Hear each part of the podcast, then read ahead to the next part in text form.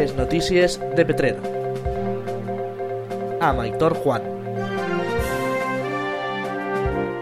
Molt bona vesprada, amics de la teua ràdio. Un dia més informar-vos de les notícies més destacades al poble de Petrer. Comencem un dia més, butlletí informatiu Petrer al dia.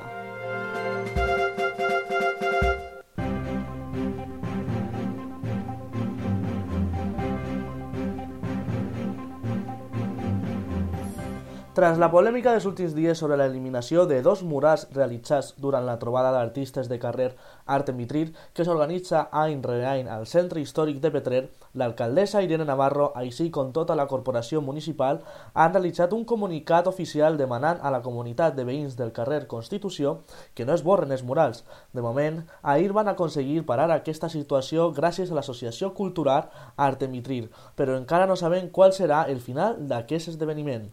Des de l'Ajuntament han demanat una reunió urgent amb la comunitat abans de prendre una decisió final davant aquesta situació.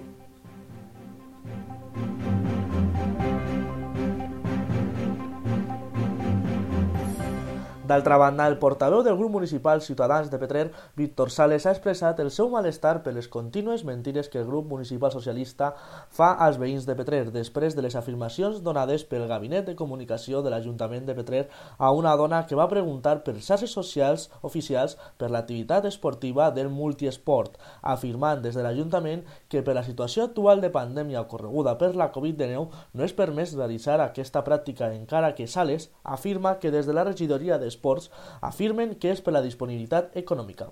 Davant aquesta situació, Víctor Sales ha demanat que per part del govern local s'explique verídicament el per què no es realitza aquesta activitat als col·legis petrerins.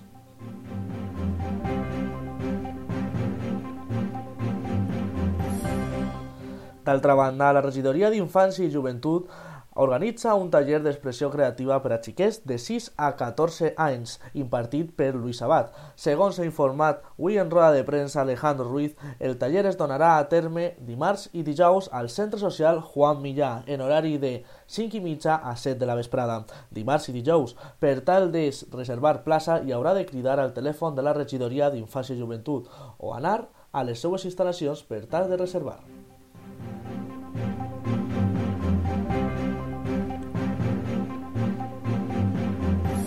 Per acabar i passant amb la cultura, Sense Barreres Teatre presenta la propera setmana el seu segon treball amb el nom El crimen perfecto, una comèdia escrita per Alfonso Pazo. El Teatre Cervantes de Petrer serà l'escenari elegit per a aquesta representació que tindrà data dissabte 26 a les 7 de la vesprada. Les entrades les podeu aconseguir en la taquilla del teatre o en Sense Barreres. Gràcies per escoltar la teua ràdio. Com sempre, la teua ràdio és la teua veu. Fins demà!